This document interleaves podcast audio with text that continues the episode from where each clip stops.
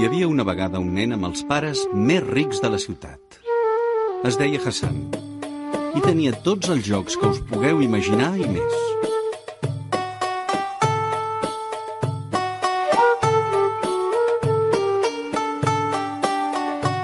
El mateix palau on vivia era com un museu de la joguina, fet de mil i una joguines diferents.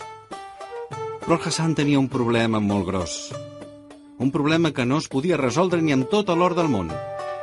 Estava tan sol a casa que s'avorria més que un ostre. Mai no tenia ningú amb qui jugar i ja estava cansat de guanyar-se sempre ell mateix. Fins que un dia van trucar a la porta.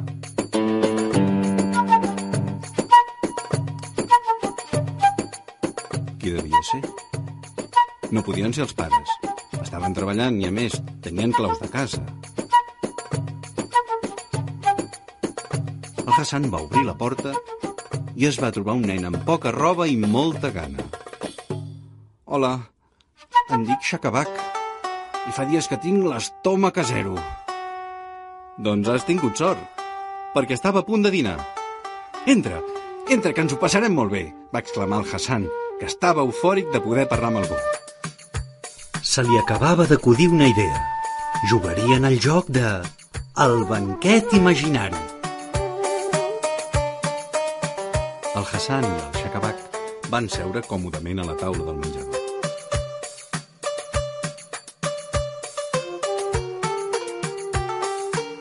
I mentre un ja li venia salivera només de pensar en el banquet, l'altre es fregava les mans de pensar en la gran tarda que se li presentava. Endavant el primer plat, va ordenar el Hassan. El Shakabak esperava pacient, però la gana rugia en veure que el primer plat no apareixia per enlloc. Que no menja, Shakabak? Aquest cuscús amb verdures i salsa picant fet amb brou d'aus no val res, fred. El Shakabak no sabia què pensar. Ell es moria de gana i el nen ric només li oferia un plat imaginari. Però va decidir seguir-li el joc i va fer veure que menjava cuscús. Bravo! I ara, el segon! El Shakabak esperava amb ànsia que aquest cop el plat fos ben real. Però quina decepció va tenir quan va veure que el pollastre amb curri i patates, rostit amb fulles de llorer i generós en espècies gustoses i aromàtiques que va demanar el Hassan, era també un plat invisible. El Hassan, més content que mai, insistia i insistia que el Shakabak s'ho havia de menjar tot.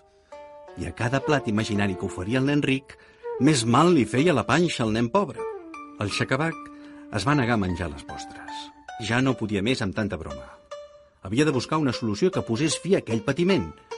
O acabava aquell joc, o la gana acabaria amb ell. No és que no vulgui la teva xocolata, Hassan. És que la xocolata em posa molt nerviós. Però el Hassan no va baixar del burro. Llavors, el Shakabak va fer veure que menjava un tros de xocolata imaginària. I... De cop va entrar en un estat d'histèria descontrolada.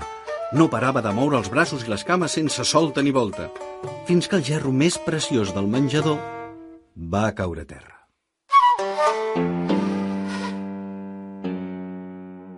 Ep, per què has trencat el gerro que t'has tornat boig? cridava el Hassan amb els ulls com unes taronges. Ja t'he avisat, va dir el Shakabak seguint-li el joc per última vegada. La xocolata em posa molt nerviós. Però el Hassan, lluny d'enfadar-se, va esclatar d'alegria. No pas pel gerro trencat, sinó perquè fins aquell dia creia que no existia ningú capaç d'arribar tan lluny com havia arribat el Shakabak a l'hora de jugar. No tan sols havia fet veure que menjava els plats que ell s'inventava, sinó que es va inventar que la xocolata imaginària el posava molt nerviós. En definitiva, una gran actuació. Havia perdut un gerro. Segurament els seus pares les broncarien. Però havia guanyat el millor company de jocs de tota la ciutat. Gràcies, Shakabak. He passat la millor tarda de la meva vida. En mostra de gratitud, et puc assegurar que ara sí que menjarem de debò.